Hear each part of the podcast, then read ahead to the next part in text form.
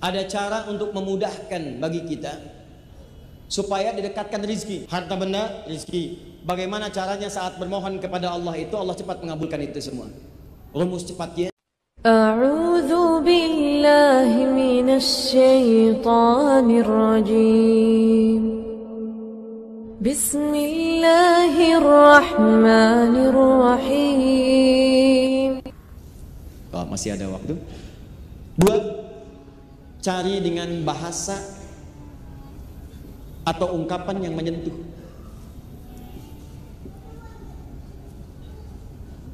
Ungkapkan doa itu dengan ungkapan yang menyentuh.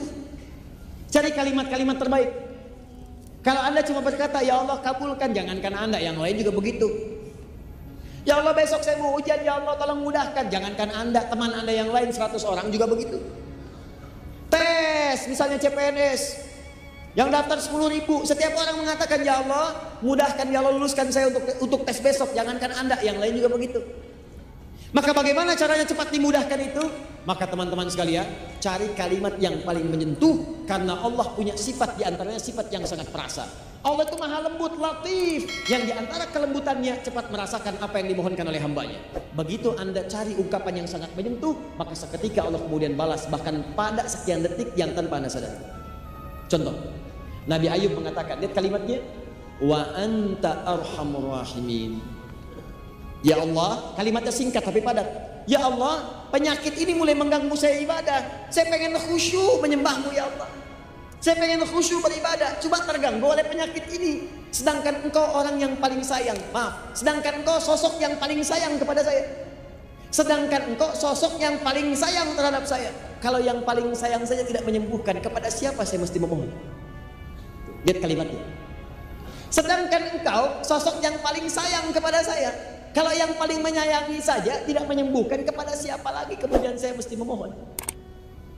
Sama persis dengan minta ampun. Antum pernah berbuat salah, tidak ada manusia yang sempurna.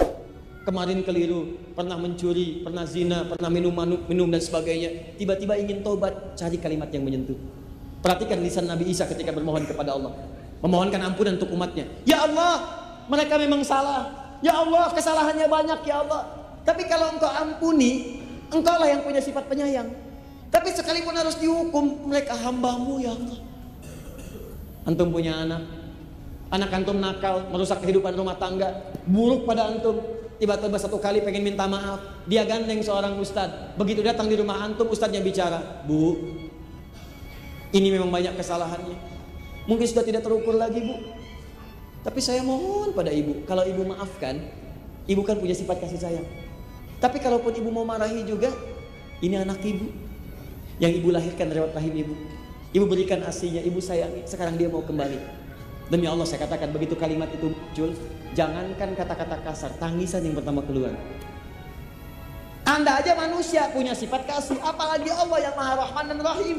Begitu Anda mohon dengan kalimat-kalimat yang indah, maka turun jawaban pada saat itu. Ya Allah, hamba sadar hamba berbuat maksiat banyak. Hamba sadar dosanya ya Allah begitu berlimpah. Tapi hamba yakin engkau yang pernah berjanji akan mengampuni setiap hamba yang bertobat. Ya Allah, aku hambamu, aku ingin kembali. Kalau kepada yang menerima taubat saja tidak dikabulkan, kepada siapa lagi hamba mesti kembali? Begitu Anda sampaikan kalimat itu seketika turun jawaban dari Allah Subhanahu. Nah, Nabi Ayub pernah menggunakan kaidah ini. Gunakan untuk ibadah, cari kata-kata yang menyentuh, maka apa jawabannya? Fastajabna. Menggunakan fa harfu atfin rabitin baina syai'aini bila. Huruf yang merangkai dua peristiwa tanpa jeda. Peristiwa pertama berdoa, peristiwa kedua mengabulkan. Antara doa dengan mengabulkan tanpa jeda. Begitu selesai doa, dikabulkan. Ini dia rahasianya. Cepat-cepat terakhir Nabi Zakaria beliau diuji setelah berumah tangga tidak punya keturunan difonis oleh medis gak mungkin istrinya monofos dan mandul maaf apa yang dikerjakan beliau bermohon apa permohonannya nih satu cari kata-kata yang menyentuh tadi. Maka buka Quran surah 19 ayat 3 sampai dengan 15 kata beliau ya Allah saya itu selalu bermohon kepadamu tanpa putus asa. Dari mulai menikah sampai rambut beruban fisik sudah letih. Gak pernah putus asa. Saya yakin kau pasti kabulkan. Kalau sampai beruban juga belum dikabulkan sampai kapan pun saya akan minta saya mohon dan tidak putus asa. Dua wakanu yusariuna fil khairat. Cepat berbuat baik diniatkan ibadah kepada Allah Subhanahu wa taala Maka kalau Anda punya kesulitan yang sama, cepat lakukan itu, mohonkan kepada Allah dan kerjakan untuk niat ibadah kepada Allah Subhanahu wa taala. Jelas? Baik, saya tutup terakhir. Ini sudah? Ini sudah? Ini yang ini. Ini spesial. Saya akhiri. Bagian terakhir ada cara untuk memudahkan bagi kita supaya didekatkan rizki. Rizki itu sifatnya luas. Pengetahuan, rizki. Ketenangan, rizki. Termasuk keturunan, rizki. Harta benda, rizki. Bagaimana caranya saat bermohon kepada Allah itu Allah cepat mengabulkan itu semua. Rumus cepatnya buka Quran surah ketiga Ali Imran ayat 35 sampai 37. Kalau orang tua menyiapkan ini dari awal bahkan maka anak yang akan dijamin mudah rezekinya oleh Allah dari sisi yang orang tuanya tidak menduganya. Cara pertama tahan baik-baik. Idh qalat imra'atu Imran rabbi inni nadartu laka fi ma fi batni muharrara fataqabbal minni. Cara pertama, antum mesti bernazar kepada Allah untuk memperbaiki diri. Berjanji, Ya Allah, mulai saat ini hamba ingin menjadi hamba yang baik dalam pandanganmu. Mohon bimbing hamba. Jadi pertama yang antum harus kerjakan, tapikan dulu hal yang buruk, tobat dari maksiat. Jauhi maksiat. Kalau ingin semua dimudahkan oleh Allah dan doa cepat diijabah, apa pun yang dimintakan seketika. Bahkan hebatnya belum minta sudah dipenuhi. Ada orang-orang yang belum bermohon langsung dikabulkan oleh Allah. Dia belum bermunajat, besoknya tiba-tiba maaf akan bekerja orang macet dia mudah. Tiba-tiba risinya datang dari sisi yang tidak dia duga. Mau belanja makanan, makanan datang ke rumahnya. Pengen beli buah, orang ada yang ngantarkan. Belum dikerjakan, jawaban datang. Cara pertama bagaimana cara mendapatkan itu semua? Pertama, bahasa Qur'annya, antum perbaiki diri dulu. Tobat. Tobat. Bahkan bahasa Qur'annya, kalau seorang ibu ya Allah saya bernazar, anak ini saya siapkan jadi anak baik. Siapkan. Kalau kembali kepada kita, janji kepada Allah, ya Allah saya tobat ya Allah. Saya berjanji akan menghilangkan semua segala hal yang engkau anggap buruk. Saya akan berusaha. Pertama tobat. Dua. Tahan. Wa inni sammaituha Maryam wa inni u'idzu bika wa dzurriyyataha minasyaitonir rajim. Masih kaidah tobat, tinggalkan kemudian bujuk rayu setan, jauhi perbuatan maksiat. Yang paling indah ini bagian keduanya. Perhatikan baik-baik. Yang kedua, siapkan diri untuk berbenah untuk meningkatkan ibadah kepada Allah Subhanahu wa taala dengan meningkatkan level yang tidak biasa. Tahan. Level yang tidak biasa. Contoh. Orang siangnya makan, antum puasa. Orang puasa Senin, antum tambah Kamis. Orang Senin Kamis, antum ayamul bid. Orang ayamul bid, antum puasa Daud, bisa. Orang puasa Daud sudah nggak ada lagi. Dia Daud, saya Sulaiman, oh, nggak bisa. Nah, ini udah ngaco. Pokoknya intinya, setiap ada peluang meningkatkan yang lebih baik, antum ambil level yang lebih tinggi. Malam, malam orang tidur, antum tahajud. Orang dua rakaat, empat rakaat. Orang empat, antum enam. Orang enam, antum delapan. Orang delapan, antum sepuluh. Tambah witir satu. Ingin tingkatkan lagi, silahkan, gak ada batas. Kata Nabi, sepanjang mendekat kepada fajar. Tingkatkan, tingkatkan, tingkatkan. Begitu antum lakukan semua itu, apa yang terjadi? Maryam pernah disiapkan oleh ibundanya. Orang ibadah biasa, biasa di tempat biasa, di rumah. Maryam beda, langsung dibikinkan mihrab. Mihrab. Orang di tempat biasa, Maryam dibuatkan mihrab. Orang tahu dengan kalangan biasa, beliau mencari guru terbaik namanya Nabi Zakaria. Jadi bukan bukan cara yang biasa. Orang cuma belajar dengan orang biasa, ini dicari orang yang paling bagus, Nabi Zakaria. Orang belajar di tempat biasa, ini dibikinkan tempat namanya mihrab, spesial mendekat kepada Allah. Begitu dikerjakan semua itu apa yang terjadi? Lihat ayat 37 ini. Ayat 37 surah ketiga paling kiri sebelah bawah. Fataqabbalaha rabbuha biqabulin hasanin satu wa ambataha nabatan hasan dua. Ketika seseorang berikhtiar, satu, dia bertobat dari maksiat yang dikerjakan. Kedua, dia bertekad lebih baik mendekat kepada Allah dari sebelumnya dan bisa menyayangi amalan orang lain. Dia tingkatkan amalannya lebih daripada yang biasa. Maka kata Allah, saya akan terima semua ikhtiarnya. Nih yang hebat. Wa ambataha nabatan hasan. Dan saya akan perhatikan setiap pertumbuhan hidupnya, saya berikan apa pun yang dia butuhkan. Yang dahsyat, kullama dakhala alayya Zakaria al-mihraba wajada indaha rizqa. Yang paling hebat, yang Nabi, Nabi Zakaria. Maryam disiapkan, Maryam mendapatkan apa yang belum didapatkan Nabi Zakaria. Apa itu?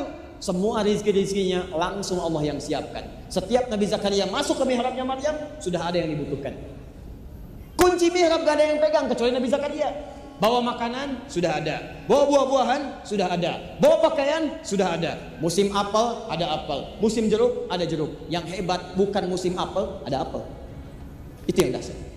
Begitu ditanya, ya Maryam anna laki hadha? Maryam dari mana semua ini? Lihat jawabannya. Qalat huwa min indillah.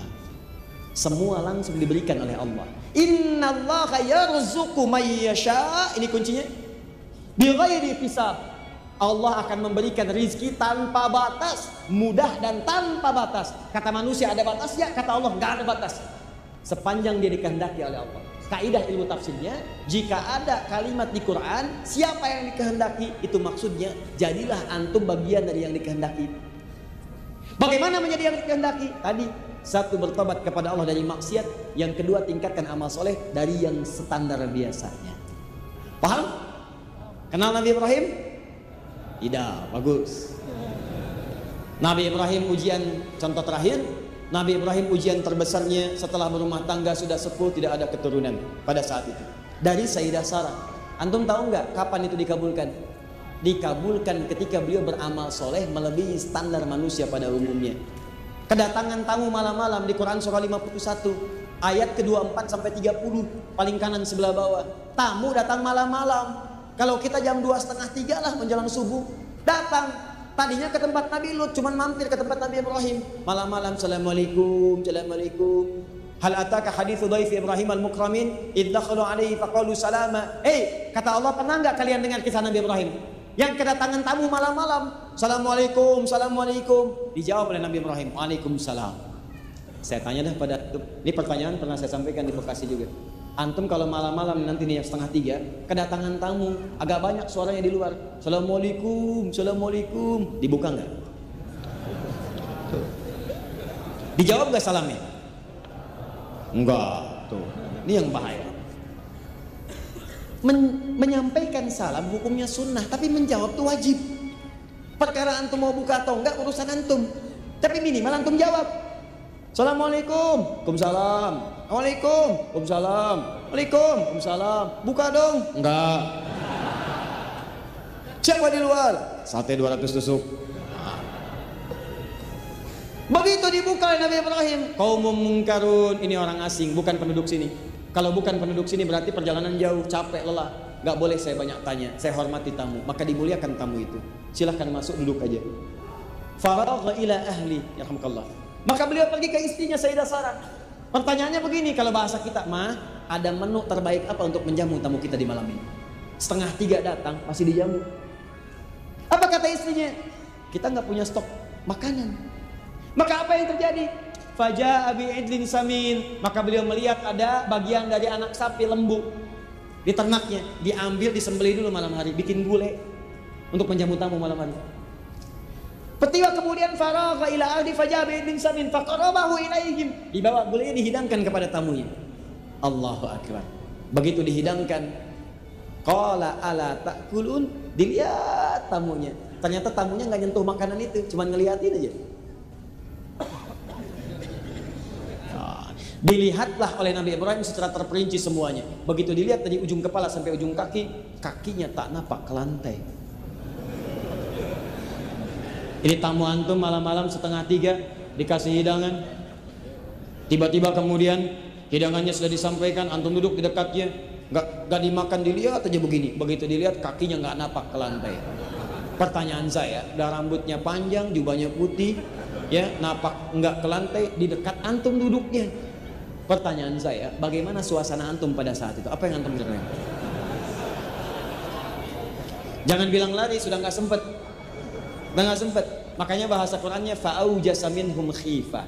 Maka beliau mulai merasa takut. Takut yang sudah bisa nggak bisa mengelak namanya aujas. Takut tapi udah nggak bisa menghindar.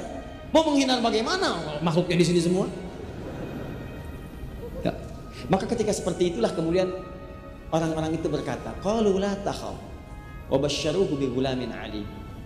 Mereka berkata, "Kamu nggak usah takut Ibrahim, kami malaikat yang sedang menyamar."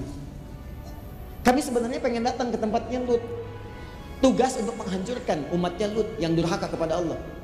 Tapi kami mampir ke sini atas perintah Allah. Ternyata engkau muliakan kami luar biasa. Jadi mampir tengah dini hari masih dimuliakan. Begitu dimuliakan itu kata malaikat kamu jangan takut. Kami datang membawa kabar gembira. Karena amalanmu ini maka Allah berikan kabar gembira. Istrimu akan mengandung melahirkan seorang anak yang cerdas. Yang dimaksudkan bukan Hajar, Sarah alaihissalam. Nah Sayyidah Sarah itu mendengar kalimat itu kedengaran di, di balik miliknya terdengar. Kan kalau rumah-rumah tempo dulu gak seperti sekarang. Begitu terdengar akan punya anak mengandung, padahal beliau itu sudah sepuh, sudah monopos, difonis dan mandul, maaf. Apa yang terjadi? Allahu Akbar. Tiba-tiba setelah kalimatnya fabasyaruhu bi gulamin alim fa aqbalat imra'atuhu fi saratin fasakkat wajhaha wa qalat ajuzun aqim. Tiba-tiba keluar dari tempat beliau mendengar itu mengatakan sambil menepuk pipinya, apakah yang seperti ini masih mungkin punya keturunan? Jadi beliau seakan tak percaya, mungkin gak begini punya keturunan? Ini udah sepuh, udah begini difonis mandul, difonis monopos, apa mungkin masih punya keturunan? Apa jawabannya? Qalu kadzalika qala rabbuk innahu huwal hakimul alim. Hei, yang berkehendak kan bukan manusia, yang berkehendak Tuhanmu yang punya pemberian tanpa batas. Jangankan seperti kamu yang lebih dari kamu pun kalau Allah berkehendak jadi. Maka mereka katakan Allah yang maha tahu dan maha bijak untuk memberikan apa yang terbaik itu. Perhatikan baik-baik. Malam-malam mengerjakan perbuatan yang tidak biasa, maka Allah jawab dengan jawaban yang tidak biasa. Perempuan yang difonis mustahil punya keturunan, maka jadilah dia kerjakan itu semua. Tuh. Saya pernah sampaikan beberapa bagian dari ini pada teman-teman dan saya katakan jangan lakukan karena siapa pun lakukan karena Allah. Kamu bikin mihrab, kamu sholat di situ, malam tahajud, suaminya pimpin jadi imam, istrinya di belakang, mohon betul kepada Allah. Mintakan kepada Allah. Setelah satu tahun, dua tahun, tiga tahun, empat tahun, lima tahun, enam tahun, tujuh tahun, delapan tahun difonis oleh medis, susah dapat keturunan. Begitu mengerjakan semua ini karena Allah, apa yang terjadi? Tiba-tiba handphone itu berdering. Masuklah kemudian, Ustaz, si fulan sudah mengandung. Ustaz, si fulana sudah mengandung.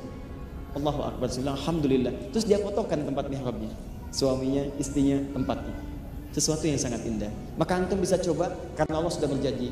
Urusan rizki ada jawabannya, urusan ilmu ada jawabannya, urusan keturunan ada jawabannya. Silahkan antum coba, bedakan rasanya, rasakan bedanya dan pasti akan terasa bedanya. Akan lain teman-teman sekalian. Siap mencoba insya Allah? Baik. Jadi kalau anda tidak mampu berlomba dengan orang soleh untuk meningkatkan ketakwaan, maka berlombalah dengan para pendosa untuk bertobat dan mohon ampun kepada Allah Subhanahu wa taala.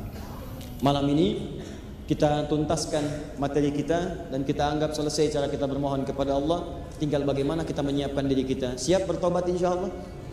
Ya, di sudah sudah ya kita tidak tahu kapan kita wafat. Malam ini, detik ini pulang untuk istighfar, perbaiki hidup jadi lebih dekat kepada Allah. Apa yang pernah salah tinggalkan dan berubah. Kemudian yang kedua, tingkatkan berubah untuk mendekat kepada Allah dengan amal soleh. Yuk, sholat berjamaah. Besok siapkan mau jamaah di mana? Dari mulai subuh. Kemudian besok siapkan mau baca Quran berapa ayat, menghafal berapa ayat. Yang punya kelebihan untuk infak infak, walaupun cuma 500 rupiah, 1000 rupiah, gak apa-apa. 500 rupiah jaga supaya orang nggak tahu. Kalau bisa bunyinya pun jangan sampai kedengaran. Begitu ada, masukkan. Walaupun cuma 500. Paham ya? Baik.